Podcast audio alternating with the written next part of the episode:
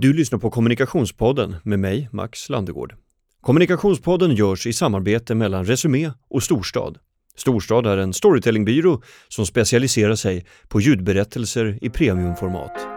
I Kommunikationspodden bjuder jag in människor som jag vill veta mer om. Och podden är till för dig som vill bli lite smartare vid middagsbordet.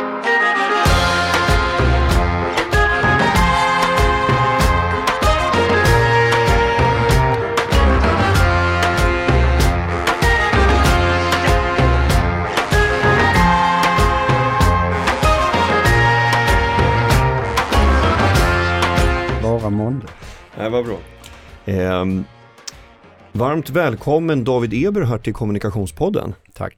Innan vi släpper in dig så vill jag bara säga att, eh, eller jag vill tipsa dig som lyssnar om slutseminariet för begriplig text. Eh, det är en projektgrupp bestående av bland andra organisationerna Afasiförbundet och Dyslexiförbundet med flera som har gått ihop och gjort en gemensam sak för att du som skriver texter för allmänheten i det offentliga rummet ska veta hur man skriver begripligt så att alla förstår. Slutseminariet för begriplig text äger rum den 19 juni på Ingenjörshuset, eller Citykonferensen kan det heta också, har jag för mig.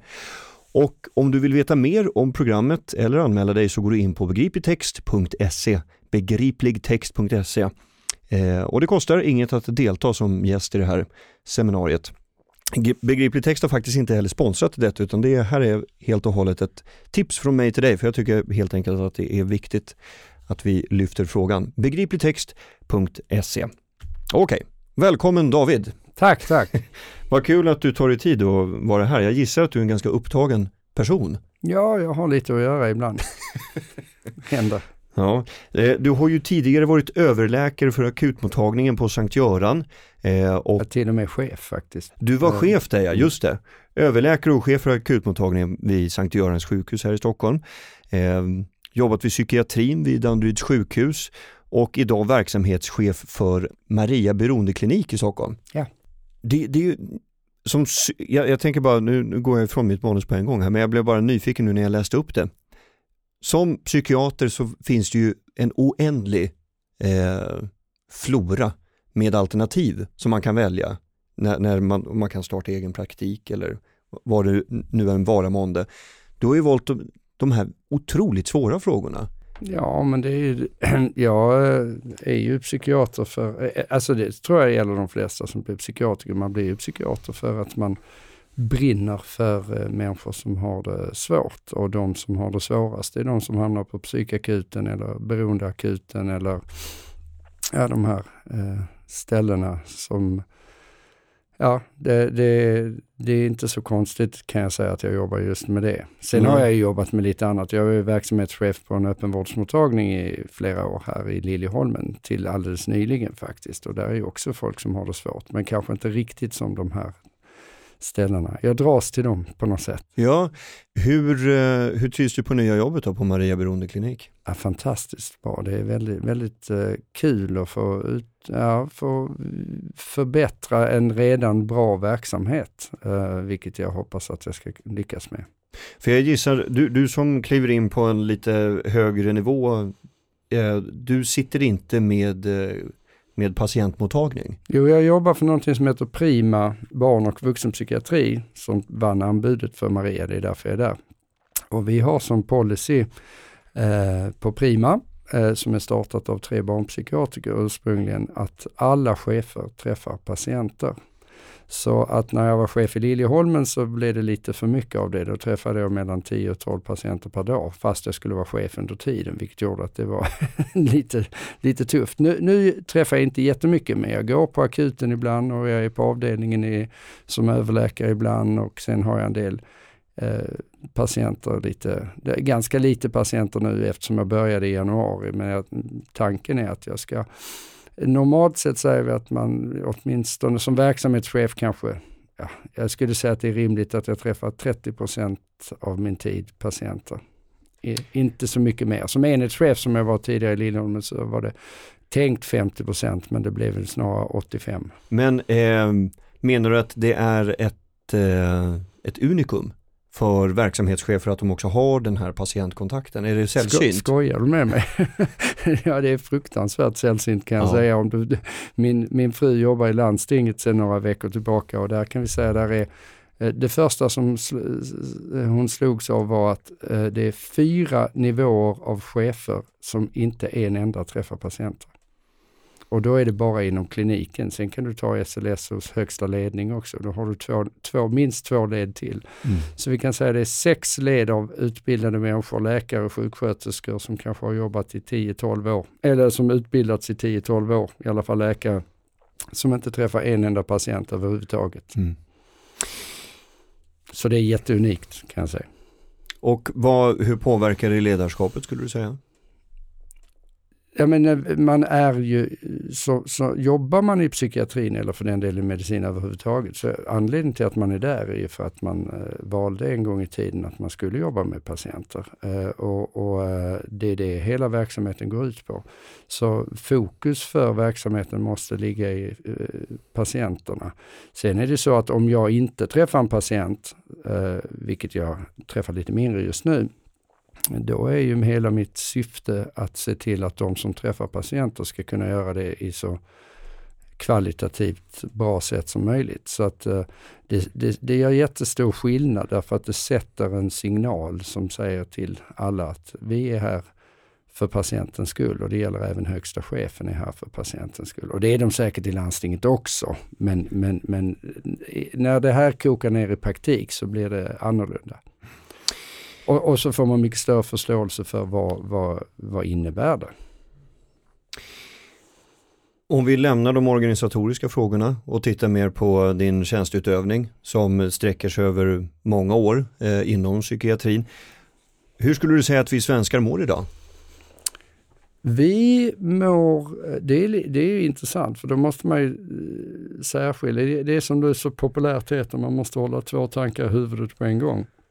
Eh, å ena sidan så har vi det ju aldrig haft det bättre faktiskt, sett till eh, materiellt och kroppsligt och, och även egentligen eh, sett till all rena, ska vi säga psykosociala miljöer så, så ser man ju åtminstone den stora majoriteten, vilket är medelklassen i Sverige, vilket är typ 90% eller i alla fall 80.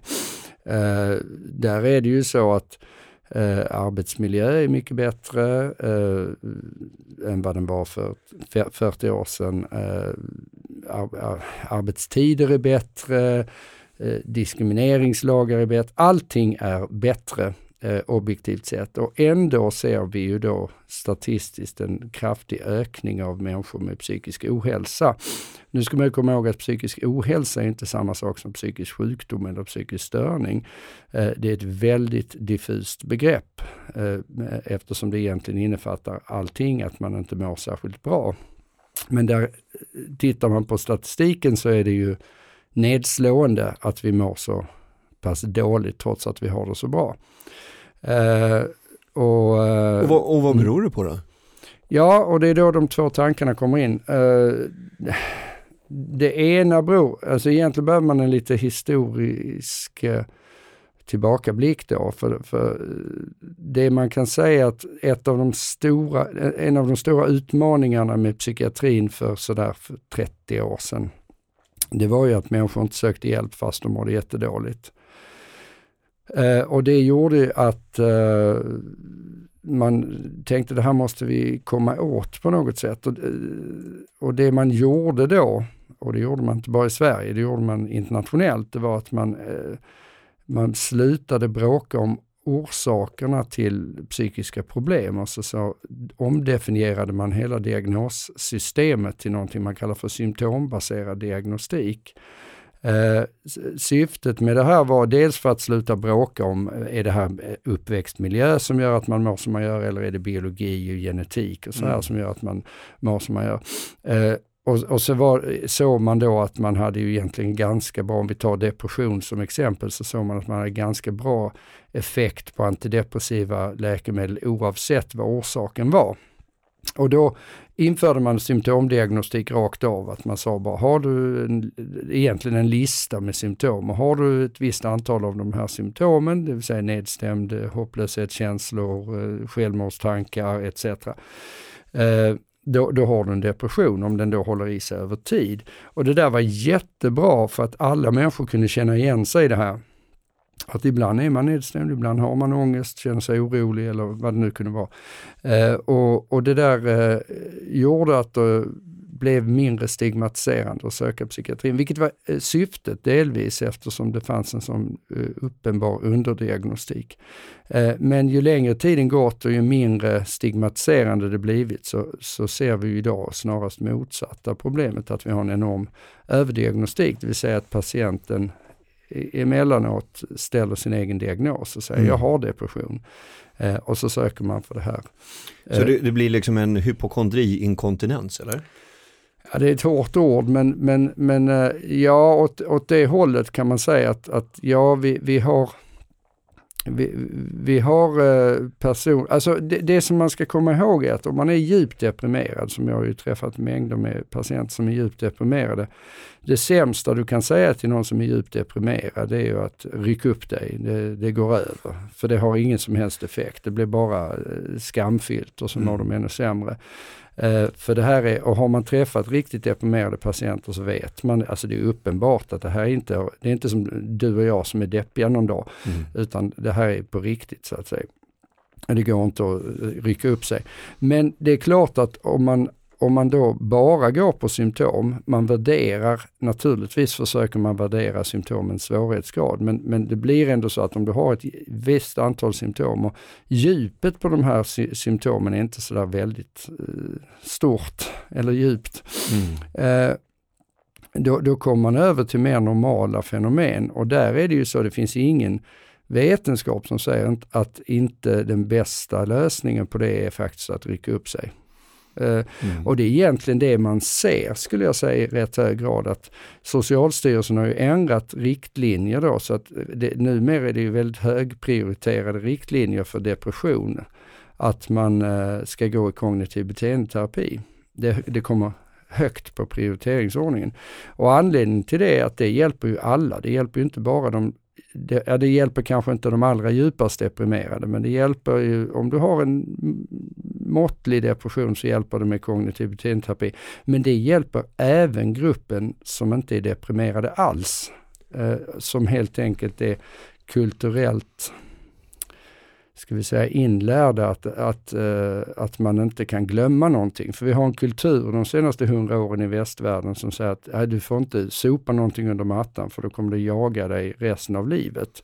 Den gruppen uh, hade förmodligen mått mycket bättre om de sopade saker under mattan som inte mm. kommer jaga dem resten av livet. Och, och kognitiv beteendeterapi till den gruppen är precis vad det är egentligen vad man säger. Ja, men, glöm det där. acceptans och förändring.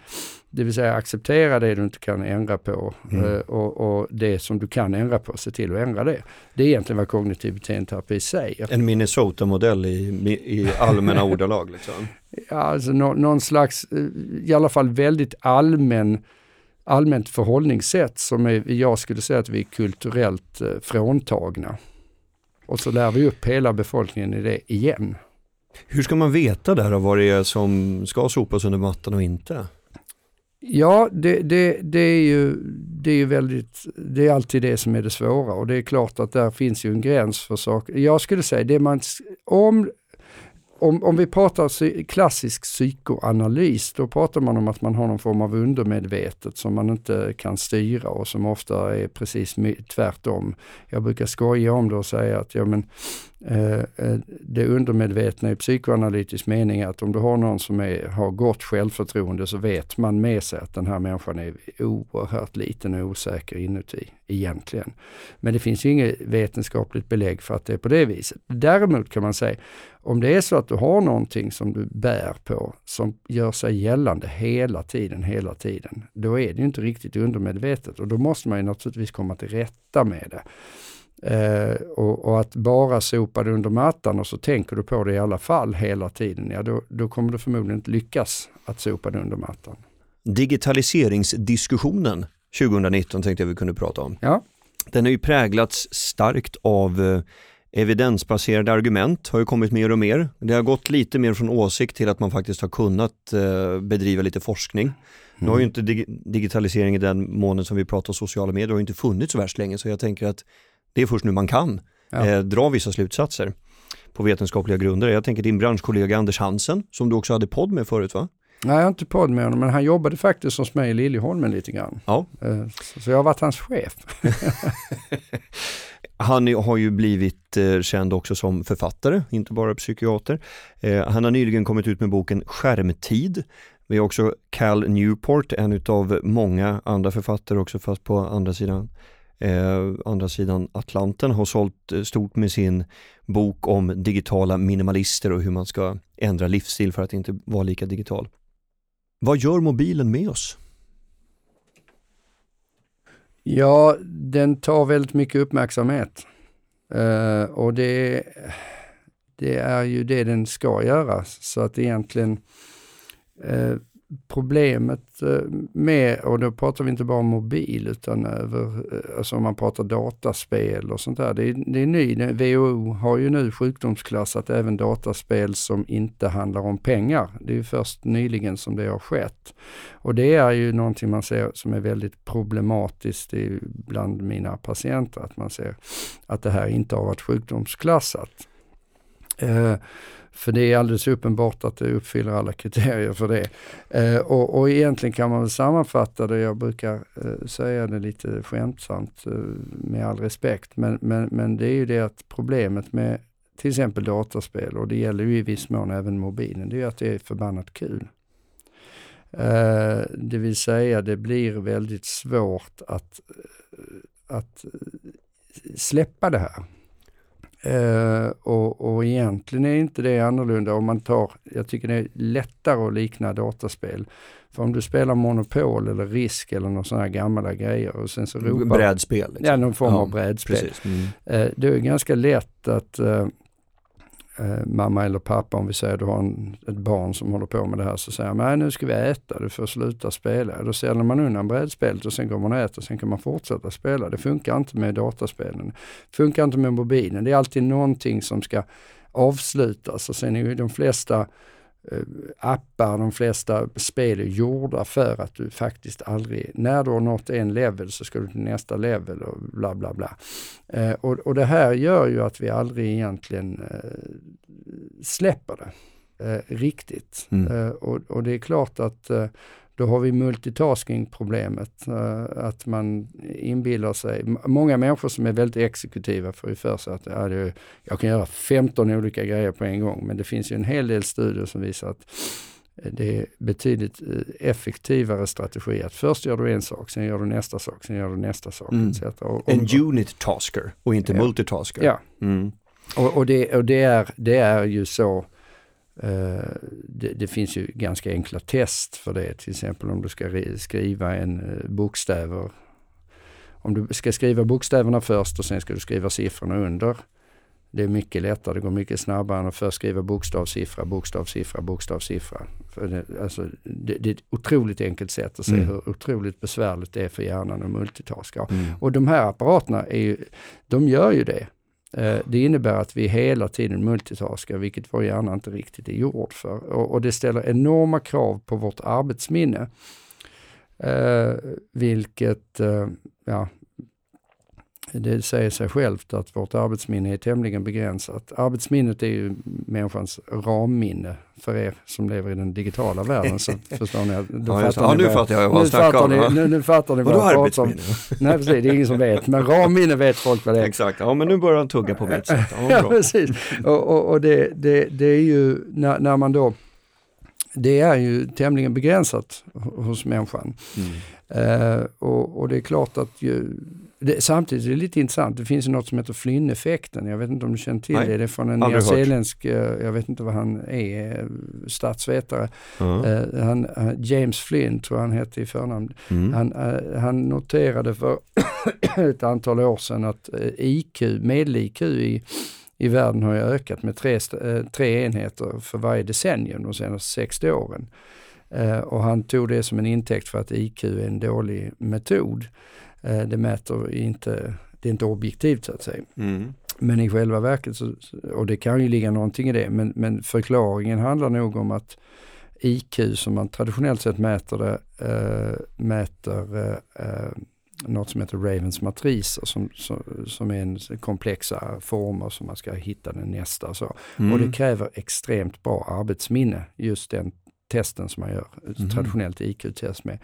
Eh, och eh, är det någonting människan har övat de senaste 60 åren så är det arbetsminne. Så flynneffekten eh, kan man nog i hög grad förklara med det. Mm. Samtidigt som det ställer till, det blir fruktansvärt stressande att ta alla de här uppgifterna. Ja, precis. För, för det Online. exakt, för det, det, är precis det som Anders Hansen och eh, Cal Newport eh, är inne på.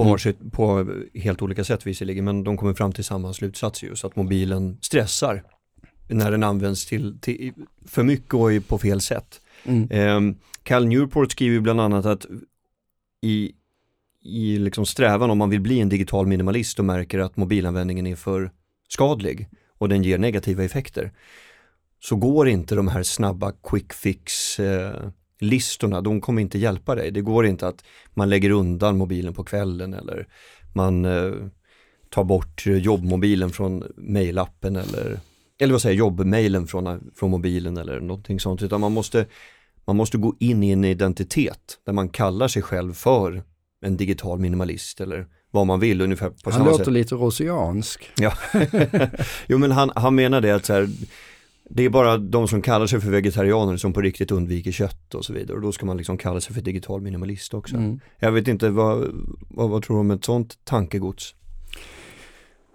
Nej, nej men alltså jag är ju i grunden lite skeptisk till, till den här, för det låter lite rosianskt, det låter lite sådär, ja, men gå tillbaka och lek med barkbåtar istället för att eh, annars har du ingen chans att fixa det här.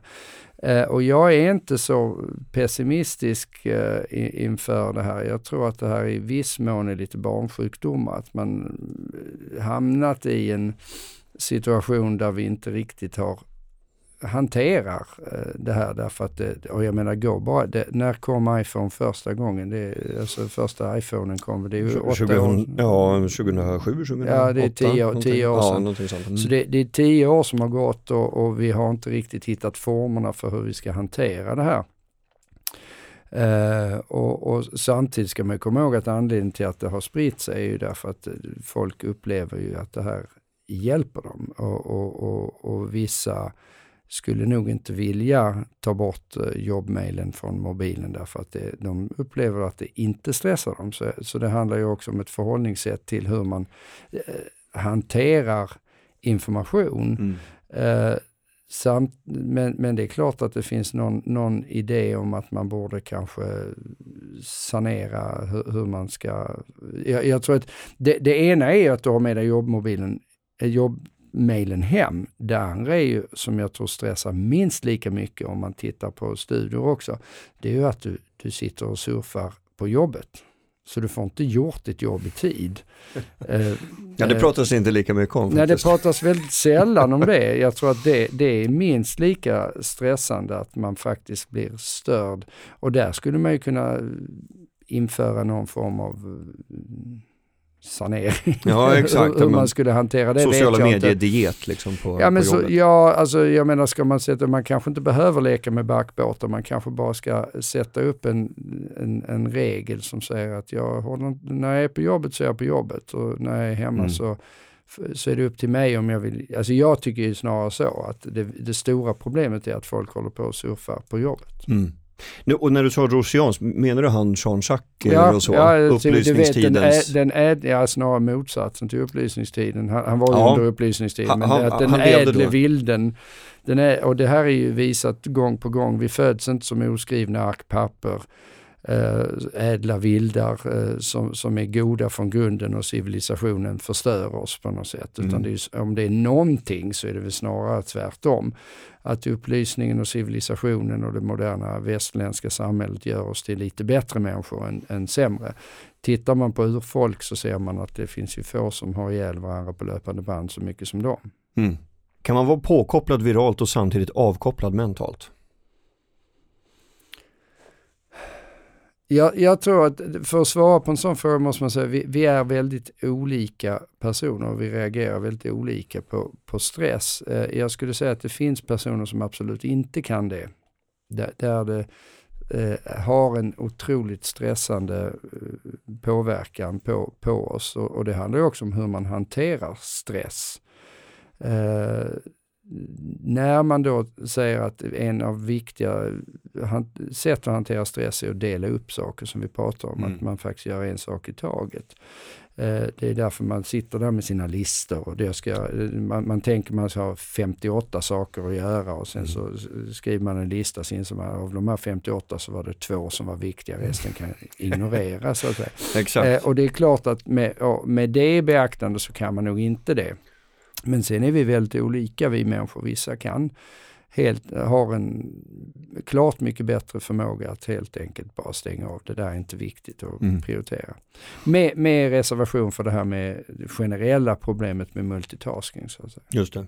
Du, eh, nu byter vi spår lite grann. Mm. Eh, du har skrivit böcker som behandlar frågor som eh, man kan säga handlar om det kan rubriceras trygghetsnarkomani. Det var en bok som du släppte 2009 om jag inte minns fel. Ja, 2006 faktiskt. 2006. Mm. Eh, du har skrivit bok om de lättkränkta. Det var 2009. Det var 2009 och sen så har vi eh, din senaste bok Det stora könsexperimentet som släpptes eh, hösten 2018. Ehm, du har också en podd kallad Hälsa för ohälsosamma som ehm, släpps väl ett nytt avsnitt i veckan. Ja, varannan vecka. Varannan vecka. Mm. Det är inte många rätt på faktakollen här märker jag. nej, nej. Jag, får, jag har hälften rätt i alla fall. ja men det är inte så illa det, det är ja. bättre än slumpen, lite bättre än slumpen kanske. Eh, men är det någonting som jag i alla fall har tagit med mig därifrån som jag hoppas eh, inte är ett faktafel är att du, du lyfter ofta uppfattningar om särskilda frågor som du vill utmana. Ja, eh, nej men eh, så är det ju naturligtvis. Uh, och sen uh, försöker jag väl uh, utmana, alltså många har kallat mig för provokatör. Jag vet inte om jag håller med om det. Däremot kan ju folk bli provocerade om man ser på världen på ett annat sätt än kanske många andra gör. Mm. Uh, och det innebär, sen, sen blir det väldigt svartvitt ofta att bara för, det, jag brukar ta som exempel, ta min första bok i Trygghetsnarkomanernas land. Den säger ju inte att det är fel med trygghet. Uh, vad den snarare försöker, alltså det, det, det är inte sådär att min bok, jag fick ju en del skit efter den boken. Eh, det, det, har jag fått efter alla mina böcker. Eh, men, men, men, eh, men, men då kan ju folk säga så här, ja du tycker att vi ska leva i ett helt otryggt samhälle och folk ska köra rallycross på gatorna och sånt här. Nej, det är inte riktigt det jag försöker säga utan mer av karaktären. Jag hade någon liknelse i den boken, så här, bara för att det är dåligt att ha allt för lågt blodtryck behöver det inte vara bra att ha högt blodtryck. Det vill säga, mm. eh, även om det kan finnas eh, förklaringsmodeller till varför säg vi mår sämre och sämre trots att vi har det så bra, som har att göra med att det finns vissa delar som är otrygga för vissa personer fortfarande, eh, så behöver det inte vara hela förklaringen. Det kan finna, eh, de flesta frågor som har lite mer komplex karaktär är ju det man kallar i, i medicinen för multifaktoriella. Och där det kan finnas faktorer som är ja, flera olika faktorer. De, de, de, kan till och med vara motsatta. Det vill säga å ena sidan så har vi det väldigt otryggt på säger vi jättestressade för dig, eh, digitaliseringen. Å andra sidan så har vi det mycket bättre vad gäller arbetsmiljö etc. Så det mm. finns många olika eh, så, och, och, och, där det kanske snarare handlar om, eh, som ju jag egentligen är en linje som kommer igenom i alla mina böcker, det är ju att det här handlar om våra förväntningar på livet och, och, och, och, meningen med livet.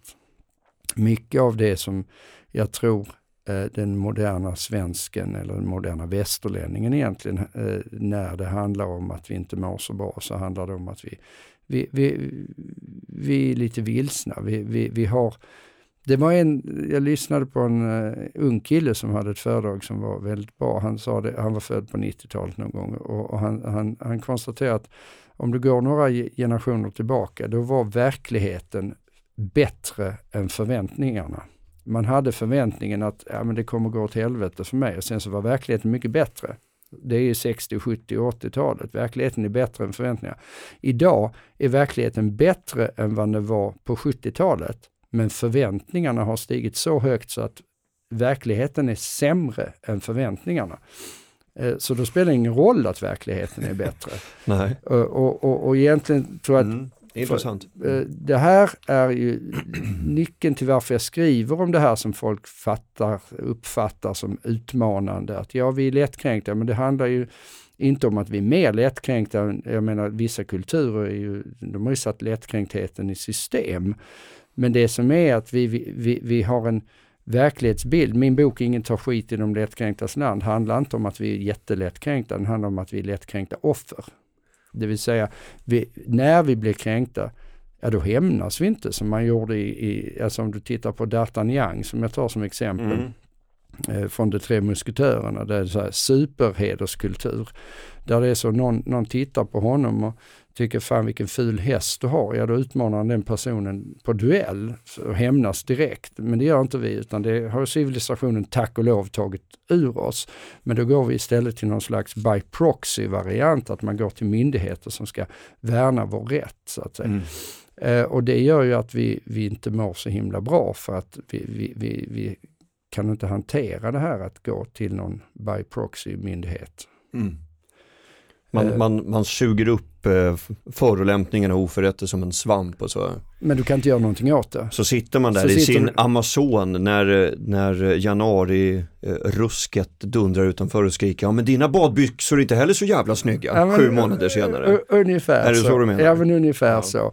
Och, och det är klart att eh, nu, gick jag som vanligt ifrån ämnet lite grann, men frågan, frågan kring det här om man eh, jag, jag, jag vill ju ändå på något sätt se på min samtid och, och, och se vad... Det är himla lätt att komma 50 år senare och säga, här titta hur det var där, vad tokiga de var. Men jag försöker väl se vad är det som är lite tokigt i vår samtid och sen behöver inte allt vara så tokigt men Mm. man kan ju ändå sätta fingret på det som man tycker det här känns ju jättekonstigt. Nu, nu, du är inne på att svara på den frågan som är på väg nu. Ja, För- bra. För jag var, det, det är det som jag är lite nyfiken på, jag uppfattar i alla fall, eh, att du ger dig in i frågor som är getingbon, rent debattmässigt, om kränkthet, inte minst med eh, eh, genusdebatten, för där, där finns det ju eh, starka åsikter i varje läger. Så att eh, det är därför jag är så nyfiken av vad du drivs av, för någonstans måste du ju känna att det är värt det. Att utsätta dig för det här. Även för de som väljer att kalla dig för provokatör menar jag. Ja, nej men, nej, men det, det är väl så att jag hamnade ju i det här eh, när jag skrev boken I trygghet narkomaners land. Det har jag ju sagt i tidigare intervjuer. Det var ju egentligen jag som skrev. Det är i och för sig, då kan man ju fråga sig varför jag gjorde det. Men jag skrev en debattartikel på Dagens Nyheters debattsida där jag definierade ett tillstånd jag kallar för det nationella paniksyndromet. Eh, därför att jag tyckte att eh, väldigt mycket av våra myndigheters agerande i princip eh, var ett eh, övertryckt sätt att, så, som en person med paniksyndrom som försöker så att säga eh, försöker värdera sin tillvaro våra myndigheter, institutioner och hela staten eh, tyckte jag då i den här debattartikeln gjorde på det här sättet i vissa frågor. Eh, och det där, det gjorde att jag hamnade i det här med att skriva böcker eftersom ett förlag då, Prisma förlag eh, från Norstedts, eh, de kontaktade mig och bara det där ska du skriva en bok om och så gjorde jag det. Eh, och sen är det klart att det där, min första bok var ju för att det här ser man på psykakuten, jag jobbar ju på psykakuten och man ser det här väldigt tydligt och mina kollegor såg samma sak tror jag. Eh, och sen tangerar ju det det här att ju, ju, ju säkrare vi får det desto mer, mer otrygga känner vi oss. Det tangerar att ju mer rättigheter vi får desto mer rättigheter kräver vi. Så det var egentligen ganska naturligt att, att skriva om det och jag funderade nog inte så jättemycket på om det här var provocerande för vissa grupper. När det kommer till det stora könsexperimentet så kan man väl säga att ja, Jag, är, jag har ju tittat på den här tv-serien Hjärnevask. Eh, Just det, norska den norska monumentala succén och, och, då fick jag och Erik Hörstadius eh, journalist, eh, vi fick idén att vi skulle göra en svensk variant av det här och det var ju så jag kom in på den frågan därför att det här var ju så fruktansvärt känsligt och för mig som läkare som då har en viss kunskap om vad som är manligt och kvinnligt eftersom det ingår i läkarutbildningen eller ingick på den tiden jag läste läkarlinjen. Idag är det ju mer tveksamt om man överhuvudtaget får säga det här vilket är lite konstigt för det finns ju i mängder med studier som belägger skillnaderna mellan män och kvinnor på gruppnivå. Eh, märk väl. Eh, det handlar om grupper alltid, inte individer. Det finns ju enstaka enskilda kvinnor som är mycket manligare vad gäller vissa saker än, än, än, än de flesta män och, och tvärtom. Men, men det, här, det, här, eh, det här intresserade mig ju egentligen därför att jag tycker att det är i grunden intellektuellt ohederligt och fel. Att, att vi lär ut till våra, idag så lär vi ut till våra högstadieelever och mellanstadieelever i princip att det finns inga skillnader mellan pojkar och flickor som inte är kulturellt betingade och, och så ser inte mänskligheten ut. Och därför blev det viktigt för mig. Sen så funderade jag, sen, klart att jag förstod att det här var väldigt provocerande för vissa. Men jag är av uppfattningen att de som blir provocerade av det här är en ytterst högljudd mycket liten minoritet. Mm.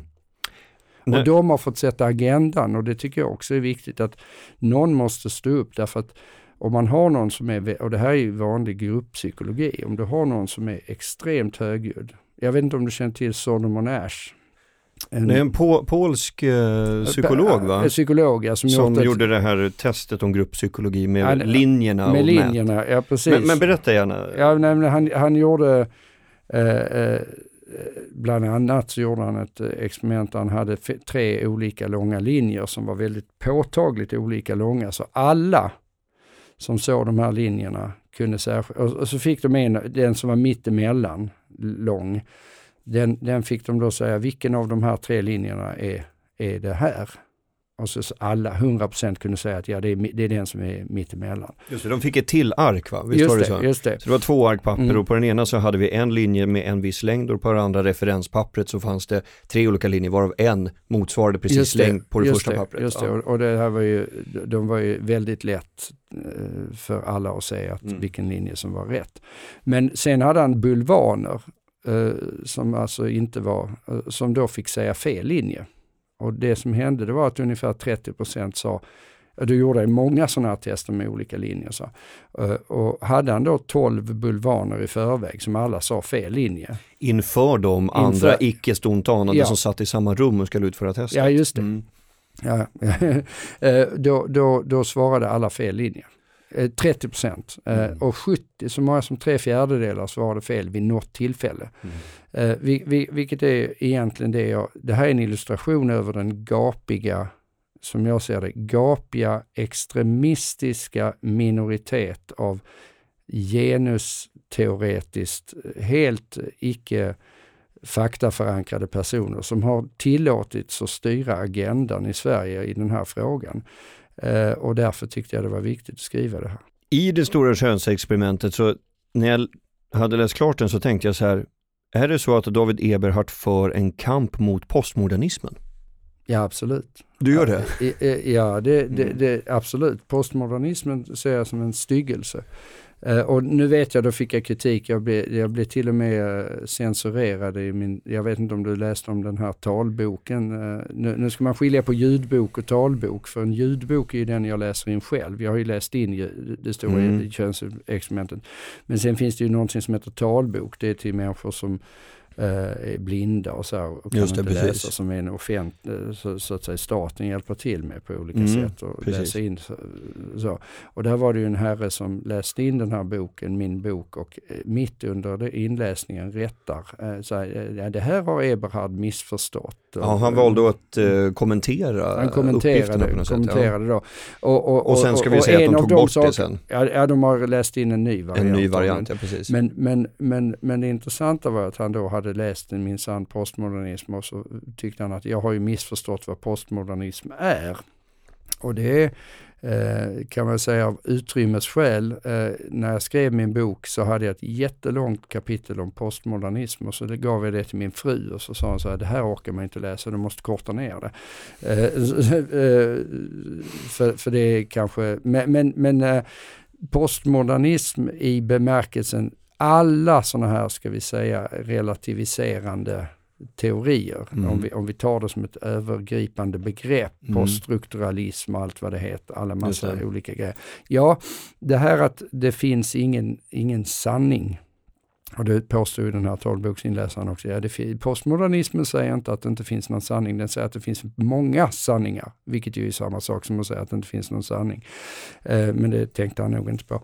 Eh, men men eh, men ja, det, det är klart att eh, det finns ju många situationer där det inte finns en given sanning, så, så är det. Men, men jag menar när vi pratar fysik och biologi och vissa saker, där är det ju så. Det är ingenting som vi människor tycker och tänker någonting om, utan så här är det. Men är det så att du, du läser, i, å ena sidan så läser du då forskningsrapporter och eh, vetenskapliga slutsatser och så, så har du, eh, då kommer du fram till med hjälp av det här underlaget till en sanning. Och sen så parallellt så pågår en, en debatt där där uppgifterna tycker, ifrågasätts. Ja, är det, där, nej, nej, är det, det, det som gör dig till författare? Det, jag? Ja, ja, någonstans så är det ju så att i, i, en, i en värld där åsikter och känslor värderas eh, lika som någon som faktiskt kan någonting, och det har vi ju, det är ju egentligen samma, du, du har ju en poäng, det är ju min bok Hur barnen tog makten är ju likadant. Att, att, att vi, har, vi har tyckande och tänkande här, vi, vi, vi, vi tror på någonting eh, men, men vi bryr oss inte så himla mycket om att intervjua eller diskutera eller vad, vad vet vi egentligen om det här? För tittar man till exempel på genusforskning så vet man ju väldigt mycket. Man vet inte allt och det här är ju ett fält där, och det, där kan man ge postmodernisterna rätt. Det, det, det finns ju saker som vi trodde oss veta för 50 år sedan som visar sig vara helt fel. Och Hälsa för ohälsosamma handlar väldigt mycket om det i min podd, det vill säga man trodde eh, att till exempel det är jättefarligt att äta viss mat och sen så visar sig att man ska nog faktiskt äta mer fett än vad vi har haft i rekommendationerna.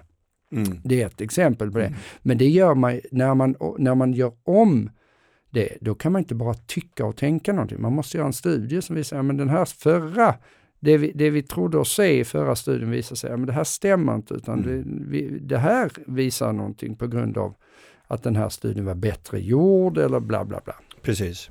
N när du arbetar opinionsbildande på det här sättet, föreställer du dig en värld som du tidigare levt i och vill tillbaka till eller har du en bild av ett samhälle som präglas av ett nytt klimat som vi borde Många komma av de som kritiserar mig tror, alltså det har jag fått höra, du vill ju leva på 50-talet. Jag vill absolut inte leva på 50-talet, det var ju skitsamhälle.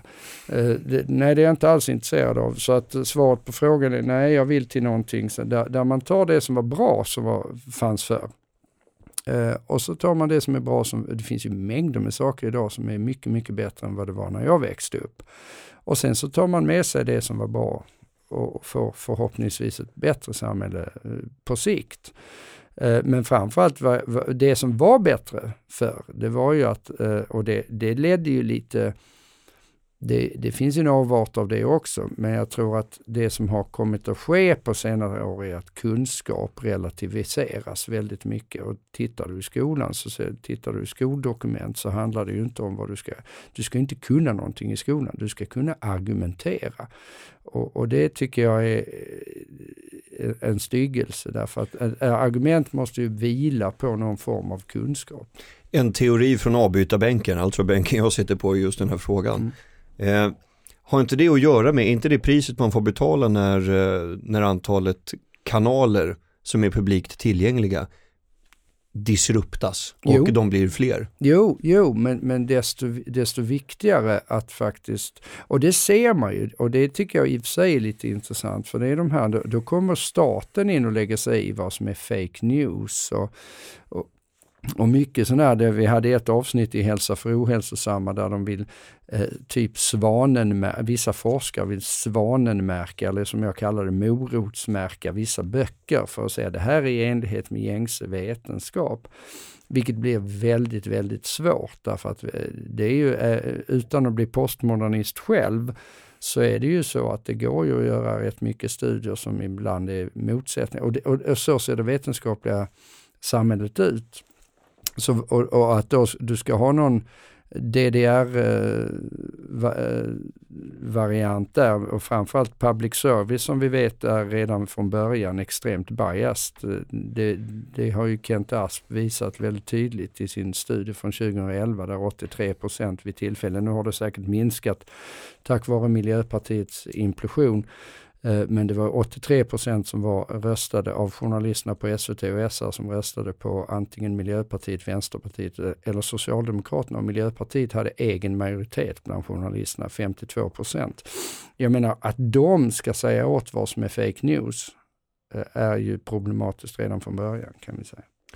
Men hur, hur, jobbar man i sådana fall fram en retorisk modell för att utmana det som människor länge gått och tyckt är sant? Jag jobbar ju lite, jag försökte ju skriva det stora könsexperimentet. Senaste boken 2013 kom Hur barnen tog makten, sen kom ju stora könsexperimentet fem år senare och att, att det tog så lång tid trots att jag faktiskt kom på att jag skulle skriva den boken typ några månader efter att Hur barnen tog makten kom ut. Mm. Det, det, det berodde på att jag tänkte det här är så känsligt ämne så jag måste skriva lite försiktigt tänkte jag mig. Och för er som har läst mina böcker vet ni att jag skriver inte så försiktigt. Nej, det, skulle, eh, det är inte det första man tänker på. Nej, och, och det insåg att det blev aldrig någon bok när, när, när jag skulle eh, vara sådär. Utan, utan jag tror att det man måste göra om man ska utmana eh, gängse uppfattning är att hitta paradoxala eh, fenomen. Eller, eller parodiska exempel. Eller när det gått, och det är klart att risken är att man twistar det för långt så att man uppfattas som oseriös. Men jag försöker inte, jag tar ju inga, jag tar ju inga exempel som inte är sanna i, i den bemärkelsen att du kan hitta referensen, du kan se vad, vad säger de här människorna egentligen. Eh, men det är klart att Eh, vill du slå igenom så att folk verkligen lyssnar så, så, så är det nog, eh, du får en del skit som att du är oseriös men du får mm. ju skriva det. Dels lite roligt, jag försöker ju skriva eh, lite festligt så att eh, folk ska ju sitta och skratta när de läser det här.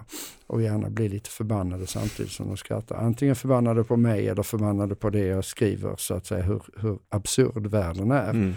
Men, men det är klart att eh, det är någon form av retoriskt grepp att göra det. Och det ligger väldigt nära. Det är som jag säger, jag kan inte skriva på annat sätt. Så jag, får väl, jag är inte Strindberg så jag får ju skriva på det sätt jag kan. Liksom. Mm. Men menar du att eh, det ibland kan vara svårt att eh, att faktan får stå tillbaka för underhållningen? Nej, nej, nej, nej, nej absolut inte. Uh, nej, alltså, ja, men det blir lätt att man lockas till att liksom... Ja, nej, nej, nej men det, det försöker jag att, uh, jag menar om jag skriver någonting så, så är det, det är inte så att jag hittar på.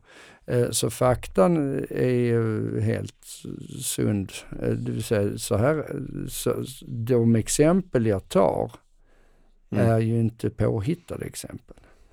Eh, utan det är hämtat från, om vi nu pratar genusteori, så, mm. så det jag skriver som de säger, det har de ju sagt. Mm. Det, det, är ju citat. Aha. Tror du att dina böcker hade varit lika kontroversiella om de hade släppts 1998 istället? Uh, ja, de hade väl, vi kan säga, det, det beror på vilken bok det är genus, det stora könsexperimentet, genusboken där skulle nog inte varit eh, så kontroversiellt. det är intressant för en del, det här är ju lite lustigt, när ja. det stora könsexperimentet har fått två typer av negativa eh, eh, kommentarer eller reaktioner. Den ena är att ja, eh, så här är det ju inte alls. Eh, och, och, och, samma personer till och med faktiskt kan säga. Fast vi, vi, det, det, det är ju, ja men så här, det, vi, vi tar visst hänsyn till biologi eller så här, det här är det här är självklarheter. Det finns ingen som tycker det som du skriver att de tycker. Mm.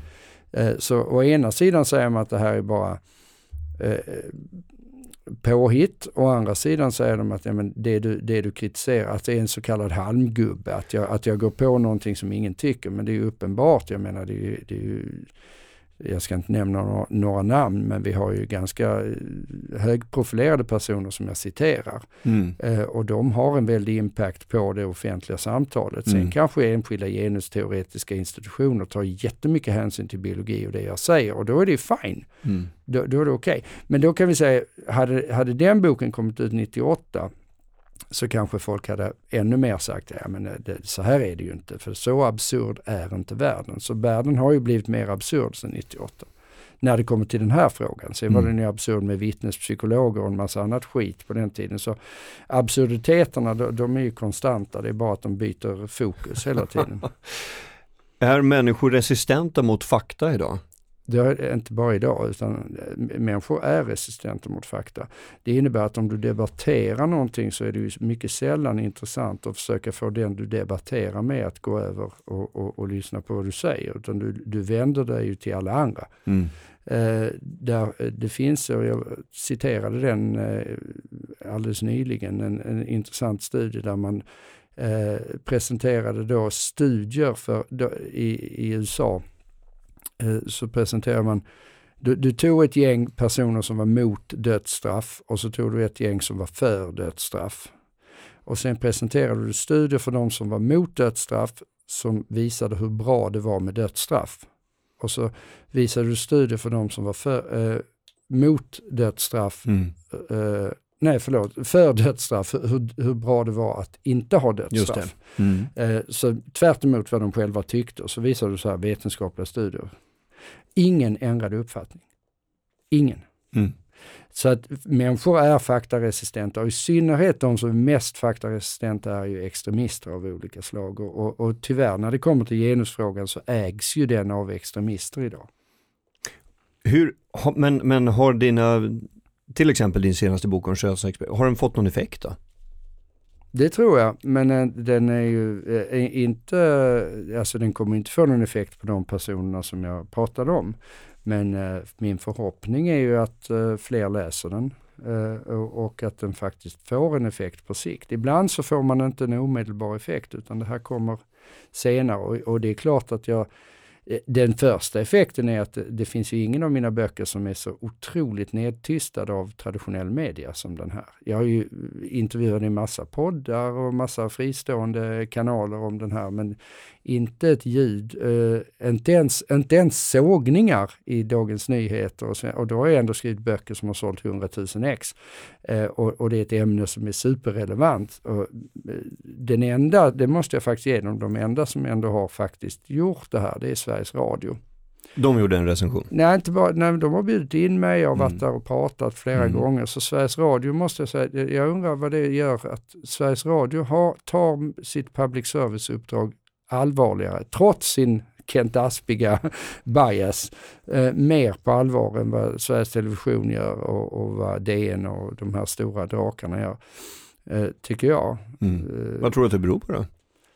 Jag tror att radio eh, med, har en tradition av att vara eh, objektivt. Så att säga, de, de vinnlägger sig väldigt mycket om att vi är faktiskt objektiva här. Jag tror att de, och de, de blir inte de blir inte själv några stora fixstjärnor som, alltså jag, jag tror att det spelar mm. roll. Kapitaliserar inte på uppmärksamheten nej, som nej, nej, gästerna utan, får. Utan då man fortsätter bara vara ja. en röst som ställer frågor. Ja men jag tror mm. faktiskt det, så att jag måste ge mm. Sveriges Radio detta. Intressant teori, det har jag faktiskt ja. aldrig hört.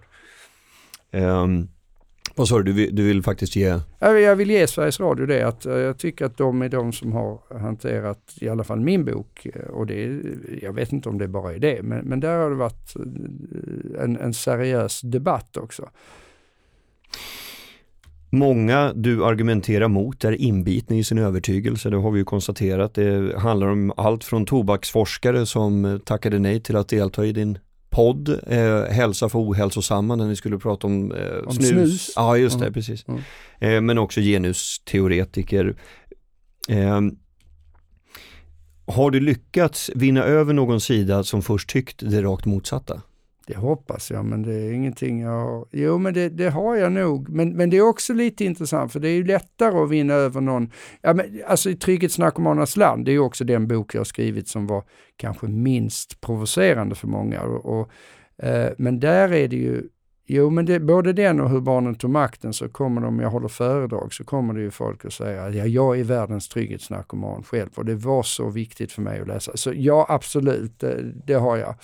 Eh, rätt många gånger faktiskt. Eh, men det är lite mindre känsligt. Jag tror ju som sagt att jag, jag, jag satsar inte på att få eh, extremist genusteoretikerna på min sida. Jag satsar på att få alla andra på min sida.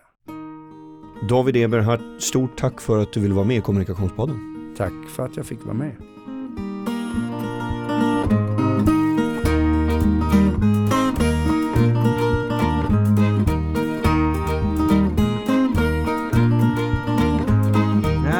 No dog whose name was Blue.